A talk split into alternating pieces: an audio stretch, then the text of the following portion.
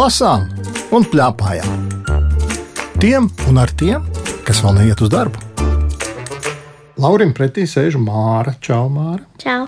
Māra ir astoņi gadi. Mm -hmm. Mēs runāsim par divām grāmatām.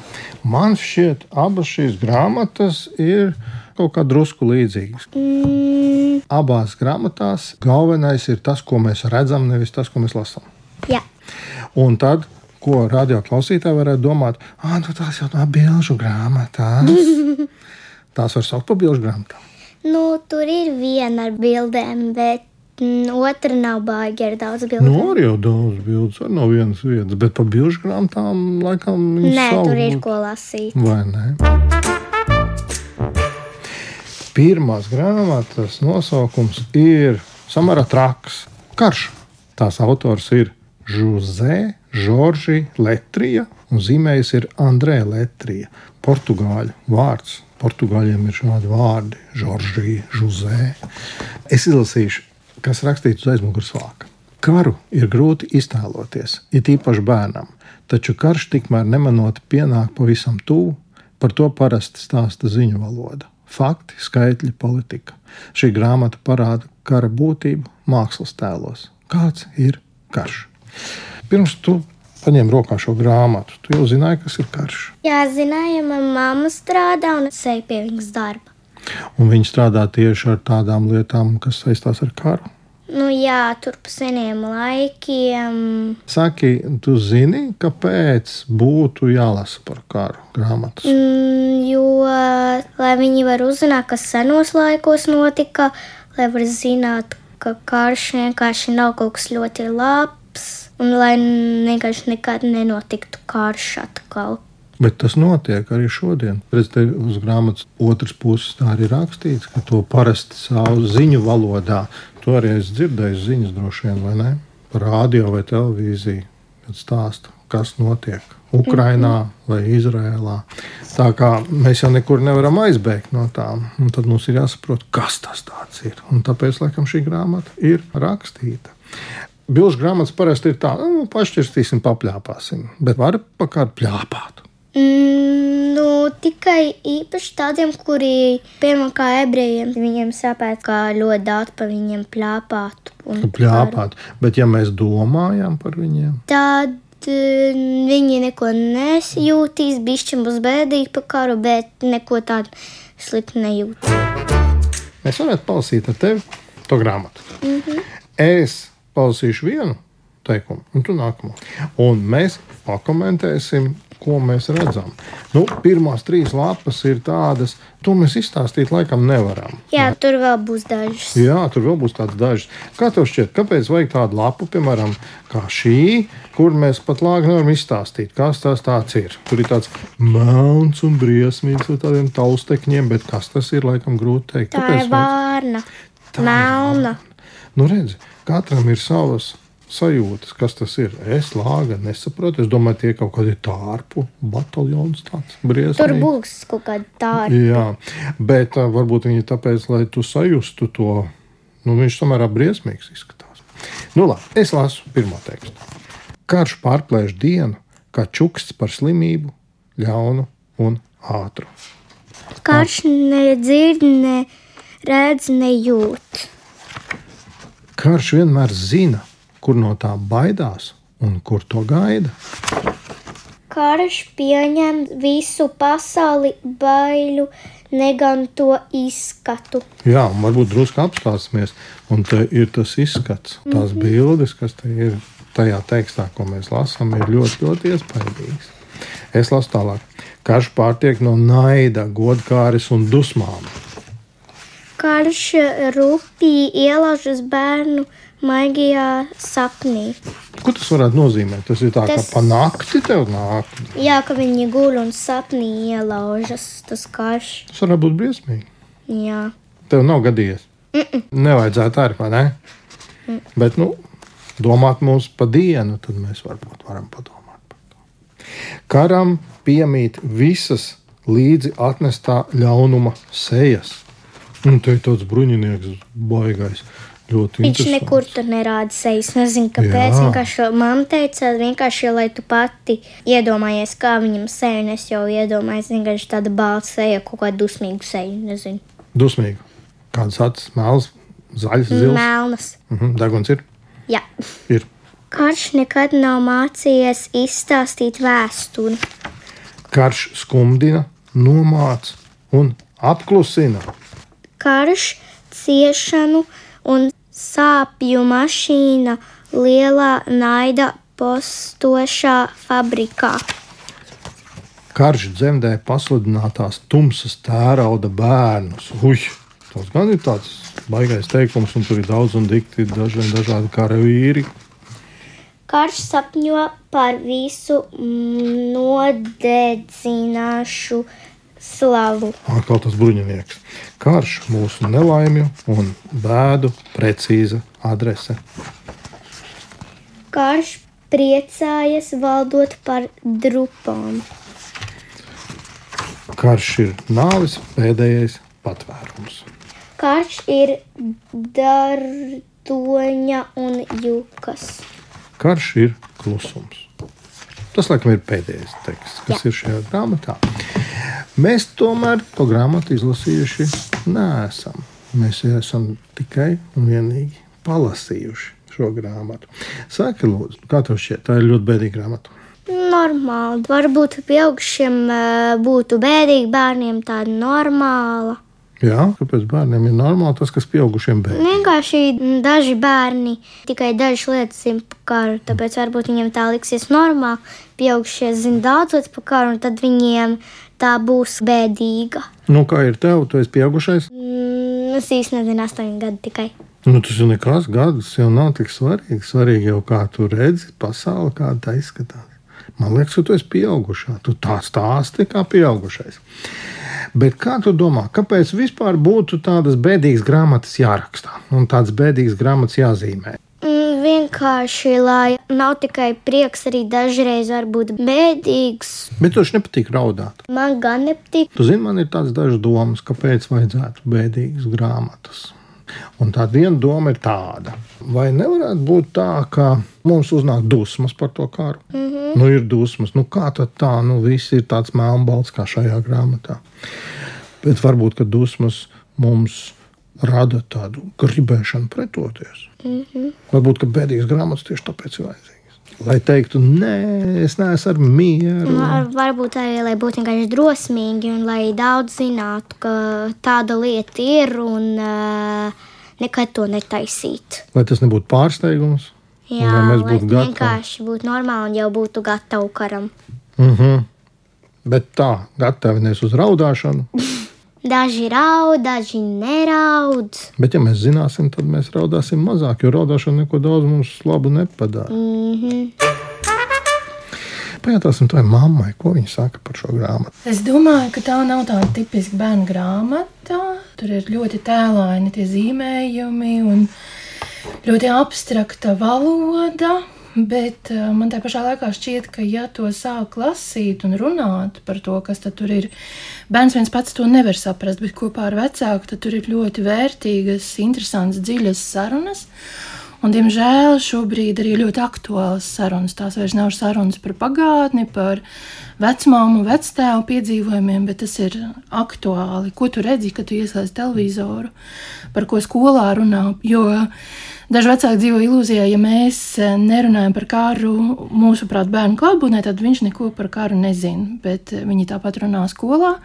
Un bērns arī dzird to, ko tu varbūt negribētu, lai viņš dzirdētu.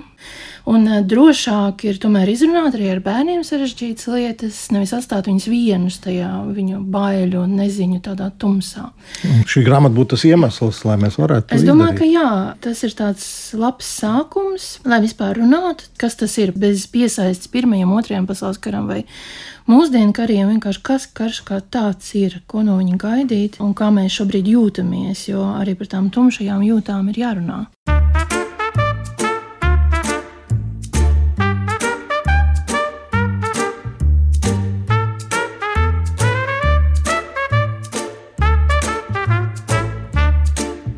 Lasām un plēpājām. Tiem un ar tiem, kas vēl neiet uz darbu. Otra grāmata, ko mēs abi ar Māru esam lasījuši, ir Tobijas un rakstnieks. To ir sarakstījis Juris Zvirkstiņš un ilustrējusi Anita Rupeika. Es vispirms izlasīšu pirmo lapu, lai visi saprotu, par ko ir runa. Rotaļlācis Tobijas sēdēja uz soliņa un garlaikojās. Viņa draugs rakstnieks nenāca un nenāca. Pirms brīža, un krietni gara brīža, kā prātoja Tobijas, rakstnieks nesekmīgi izmeklējies pa kabatām zīmolu, iesaucās. Es noteikti esmu aizmirsis to mājās. Nu, Pagaidiet, man te pātās, nu, es tūlīņi. Un aizskrēju. Protams, zīmols viņam bija nepieciešams tāpat kā blociņš, kurā pierakstīt domas, jo viņš ir rakstnieks vai ne. Bet atstāt Tobijasu vienu pašu. Kāpēc izlasīt tagad šī tā te? Tas beigas, kā tas šķiet. Jo tur ir izsaukuma punkts. Un vēl lielie burti. Ne? Jo to domā pats rotaļlācis Tobijas. Un viņš šeit arī ir uzzīmēts. Sāki lūdzu, tev bija interesants šis stāsts. Mm, tur pišķiņi, tur arī bēdīgas, jo tā kā Tobijas viens pats ir ā, rakstnieks, pa viņu aizmirst, jo viņš guļ, pēc tam vēl karš, bēdīgi vienkārši. Nu, mums ir tā sagadījies, ka tev ir divas bēdīgas grāmatas, bet mēs jau runājam par tām bēdām. Tās bēdas jau nemaz nav bēdas, tāpēc, lai nu visi tur puņķotos un raudātu, bet tā tad rakstnieks. Saki, lūdzu, kā tev patīk rakstnieks? Mm, rakstnieks. Man šķita, ka viņš ir tāds, eh, nu, tāds neusticams vecāks. Jā, viņš ir vecāks, un tas pats um, Jurijs Zirgsdiņš ir pats viņš. Un Tā Tā kā liekas, viņš- izskatās līdzīgs. Tad viņš varbūt apraksta to, cik viņš ir nu, tāds nu, nekārtīgs vecāks. Drusku, vai ne? Jā. Saki, lūdzu, tev jau arī droši vien tu esi vecāks saviem lāčiem vai lēlēm vai ko. Dažiem Tu esi labāka par rakstnieku. Man liekas, ka jā. Nolasīt kādu gabaliņu no tās grāmatas. Es gribēju to, kur kāds ņauda Nu, rakstniekam. La, la, las to. Atgriezies istabā, Moris tik ilgi ņaudēja, kamēr rakstnieks pamodās, izlasījis lapiņu, viņš iesauks, ak, es izleca pa logu un sāka skriet. Jā, nu, tā jau Māra jau lasa to vietu, kur pavērās kāds gaišums tajā bēdīgajā bildē, ne? Kur ir saņemta lapiņa no lācīša. Lācīts ir uzrakstījis. Jā. Nu, kā tie lāči māk rakstīt? Es, es. Tā ir pasaka. Ā, paskatās, var. Jā, var pats izgudrot, ko tie grib pasakās. Mm. Un saki, lūdzu, kāpēc visi tic tam, ko tu izgudro? Daži tic, daži netic. Tu ticēji, ka tā ir. Nē, jo lāci nemāca rakstīt, un arī rakstnieks var būt draugs ar kādu lāci. Nu, bet, Un jā, arī lāči nav maziņi. bet kāpēc rakstnieks nevar būt draugs ar lāci? Tāpat kā tur savu lēli. Jā, tas rotaļlācis viņš ir dzīves, un arī nekādas mākslas nevar būt dzīves, tikai tāds kā robots, un tu vari iesakt ā, pogu, viņi dažreiz ir. Nu, ko tu tāpēc robots ir dzīves, ka viņš rūt? Nē, Nu, vārds nerūc, un tāpēc viņš nav dzīves. Es tam nevaru piekrist. Tu pati teici, ka izdomāt ir baigi forši. mm, jā, man patīk. Nu, re, tā kā lāči raksta. Viss.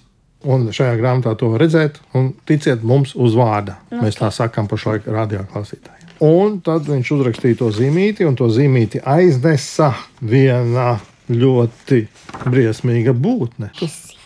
Vispirms bija ēzis, bet pirms tam, pirms, Pirms tam bija lapsa, kura gribēja viņu apēst. Nu, tu iedomājies? Bet redzēja, ka tā nebija. tu naktī sēdi uz soliņa, un tev pienāk labs. Ups. Tas ir par to briesmīgo dzīvnieku, bet ēzis tumsā nebūtu briesmīgi. Mm -mm, nebūtu. Viņš bija šķiņķis sabītos, bet nebūtu baigi briesmīgs. Viņu. redzējis ēzi dabā. Nē, pie mammas nobildējies. Nu, labi, bildītes mums ir daudz, pilns internets ar režu bildēm, bet, ja tu būtu maziņš, es domāju, ka jānobīstās. Tomēr būtu. Vienīgais, ir, kas labums ir, ka tas ezis tomēr ir tāds samērā saprātīgs, un viņš ir tas, kas saka, ka viņš aiznesīs to zīmīt tam rakstniekam. Un es tev gribētu vēl vienu vietu izlasīt. Ejam, es tev aizvedīšu mājās, ceļu es zinu, sacīja ezis. Tur man katru vakaru gaida bludiņa ar pienu. Nē, diemžēl es nevaru. Es apsolīju savam draugam, rakstniekam, viņu šeit gaidīt, paziņoja Tobijas. Ai, solījumi! Vai tad tavs draugs nesolīja tūlīt atnākt? Aha, solīja gan! Es norūcu. Saki, lūdzu, viņš saka, es nevaru iet, es esmu apsolījis gaidīt. Mm -hmm. Tu savu solījumu pildīji? Mm, Dažreiz nē, dažreiz jā. Bet tu redz, kāds ir Tobijas. Viņš saka, nē, nē, nē, nē, nē ja ir sarunāts. Ja tu, teiksim, būtu pēkšņi nokļuvusi nejauši viena pati kaut kādā lielā veikalā un tu būtu solījusi mammai, es šajā vietā tev gaidīšu. Tad, ja jau taisītu ciet, tad eh, es vienkārši gaidītu laukā. Laukā, bet tu esi solījusi tajā vietā būt, mm. kur ir sarunāts. Kā tu mammu var atrast? Man šķiet, šis ir samērā interesanti par to parunāt, par to, jo es ļoti labi atceros, kā man pazuda mans dēls. Mēs aizgājām uz Latvijas teātri, un mēs sarunājām, kā mēs satiksimies ā, noteiktā vietā, tur vestibilā. Un es aizgāju to, nāk apakaļ nav viņa. Un es izskrēju pa visām malām. Visi bērni ir izņemot manu dēlu. Un pēc tam es skatos, hmm, viņš sēž tajā vietā, kur mums jāsēž. Es viņam jautāju, kā tā ir. Es taču zināju, kur mums jāsēž. Bet viņš bija apsolījis. Nu, lūk, šīs ir ļoti tādas svarīgas lietas, man liekas. Es tā vēl iedomājos, ko tu teiktu, un ja nu ēzis nezinātu, kur tas rakstnieks ir, un nevarētu atrast to rakstnieku, kā tad Tad viņš sauktu palīgām, mm. kā tā liktos. Bet viņš nemāk runāt. Tad, ja viņš nāk tikai rakstīt, viņš uzrakstīs uz papīra. Bet nav jau kas aiznes, un nezinu, kur tas rakstnieks ir. Viņš tad vienkārši var tur atstāt to lapiņu, tad kaut kāds dzīvnieks var pienākt un redzēs. Un dzīvnieks vēl garšīgs, ņem, ņem, ņem. Ko tad? Tad beigas. Briesmīgas beigas tad ir. Es zinu, kāpēc es jautāju. Tādēļ, ka man šķita, ja viņš nezinātu, kur tas rakstnieks ir, tad būtu kaut kas līdzīgs, kā ir tajā grāmatā, par kur mēs pirmo runājām, kā karā. Karā jau arī kaut kas pēkšņi notiek, kā tur pašā sākumā teikt, kad pārplēš to dienu pušu, un tu pēkšņi tu nevari saprast, kur tu esi un kā tu esi. Un tāpēc šīs grāmatas man šķiet ārkārtīgi līdzīgas tieši tāpēc, ka te arī ir bēdas. Saki, lūdzu, ir lielas un mazas bēdas, vai visas bēdas vienādas? Ir lielas, ir mazas. Nu, karš ir liela bēda. Ja? Jā, Un ko tu domā? Tad Tobijas nakts vienam pašam ir maza bēda. liela. Viņš ir bēdīgs, ļoti viens pats, un rakstnieks aizmirst, pilnīgi pa viņu guļ. Jā, man kaut kā šķiet, ka tās bēdas visas ir vienlīdz lielas. Nemaz nav tādu mazu. Ir vienkārši bēdas kā tādas. Bet mēs jau runājām, ja ir bēdas, tad tās ir tāpēc, lai mēs paliktu dusmīgi un lai mēs kaut ko darītu lietas labā. Lai mēs vairs nebūtu bēdīgi un pasaule nebūtu bēdīga. Jā, Vienīgais mums vajag spēku, lai to izdarītu. Tev būtu spēks pretoties bēdām. dažreiz būtu, dažreiz nebūtu. Pajautāsim, ko tā mamma saka par šo grāmatu. Es pamanīju, ka rakstnieks dažreiz ir tikpat aizmāšīgs, cik dažreiz pati māra. Ka viņi var kaut ko aizmirst, eh, un tad man ir jābūt tam, kurš atgādina. Un eh, arī tas ir, man liekas, ļoti svarīga attiecība, tāda nianses ar bērnu. Būt godīgam, ka tu arī esi dažreiz netik perfekts un ideāls, un visu zinošs un nekļūdīgs. Un tas dod arī tam bērnam tādu brīvību, kļūdīties, kaut ko aizmirst. Un uh, neuzskatīt, ka tas ir pasaules gals, jo bērns tādā melnbaltātai pasaulē dzīvo. Viņam tiešām kaut ko, ko viņš ir aizmirsis, var šķist, ka tas ir pasaules gals un, un jāraud, un būs kaut kādas drausmīgas sekas.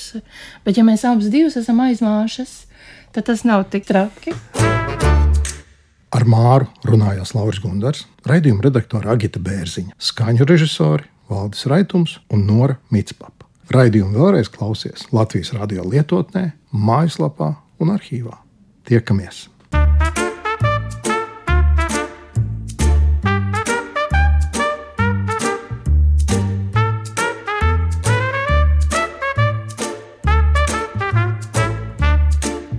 Lasām un plēpājām. Tiem un ar tiem, kas vēl neiet uz darbu.